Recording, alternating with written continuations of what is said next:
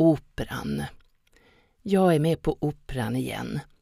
Höstens första opera i Göteborg, Smetarnas brudköpet, Naken. Ett äldre och ett yngre figurantpar ska representera den hedonistiska stämning som regissören vill gestalta.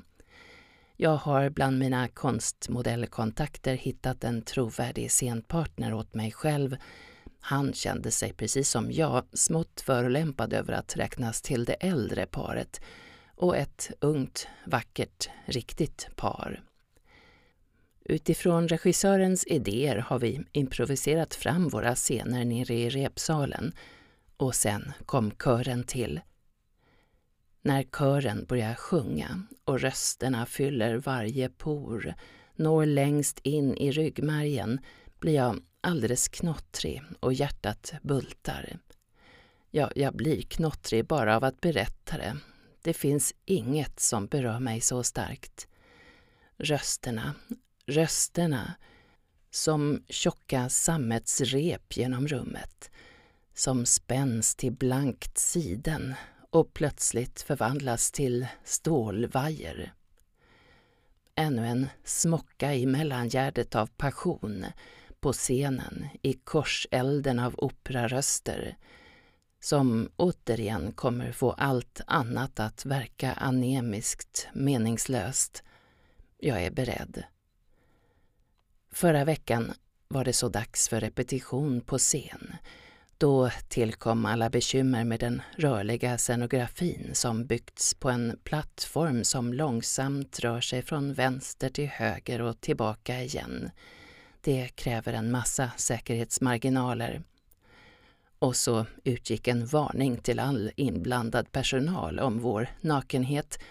Jag citerar i föreställningen förekommer några korta inslag av nakenhet på scenen det är inget dramatiskt eller utmanande och små sekvenser som skymtar förbi. Vi har två par som vi kallar kärleksparen som är helt eller delvis nakna i dessa sekvenser.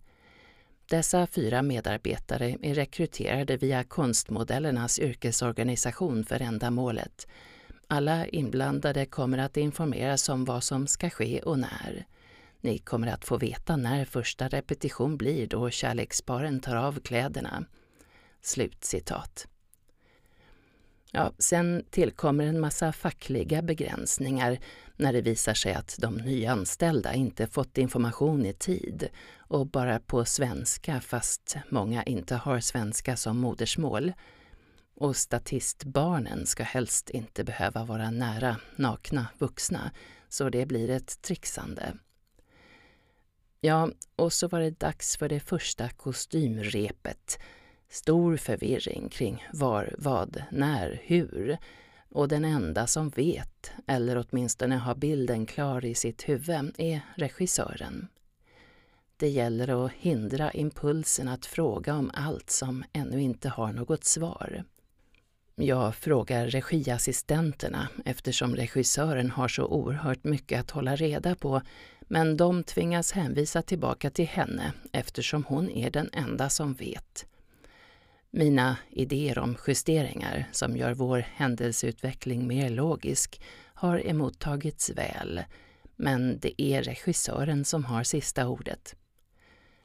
Teatern hör nog till de minst demokratiska av arbetsplatser.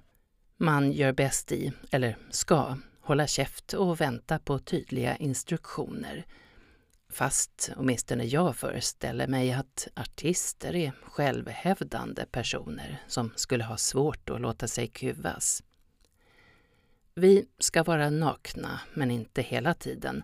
Helst klä av varann medan vi rör oss över scenen i en lång kyss. Men vi kan inte släppa kläder efter oss eftersom ridån inte kommer gå ner på länge. Sen ska vi dyka upp igen i en öppning i planket där vi ska stå och hångla men eftersom vi av säkerhetsskäl inte får kliva ner från den rörliga delen av scenografin annat än i bortre änden så hann vi inte runt förrän vår öppning redan hade försvunnit ur synfältet. På rekvisitahyllorna ligger knark, fyra öl, sedelrulle, Jack Daniels, sju pistoler, fickplunta, blodig kniv. Efter det senaste repet så var jag, och inte bara jag, faktiskt lite sura. Vi hade missat tre av fyra entréer, men det var fan inte vårt fel. Ingen vet. Ge oss för helvete en chans att göra ett bra jobb. Ja, en liten tröst var att en av nycirkuskillarna sett mig på stand-up och tycker jag är bra. Mest orolig är jag över att våra insatser ska strykas för att vi inte lyckas passa in dem i den rörliga scenografin och mängden av människor. Men regissören försöker lugna mig. Det jag såg är så vackert. Två veckor till premiär. Tills dess ska frågetecknen på något mirakulöst sätt ha rätats ut.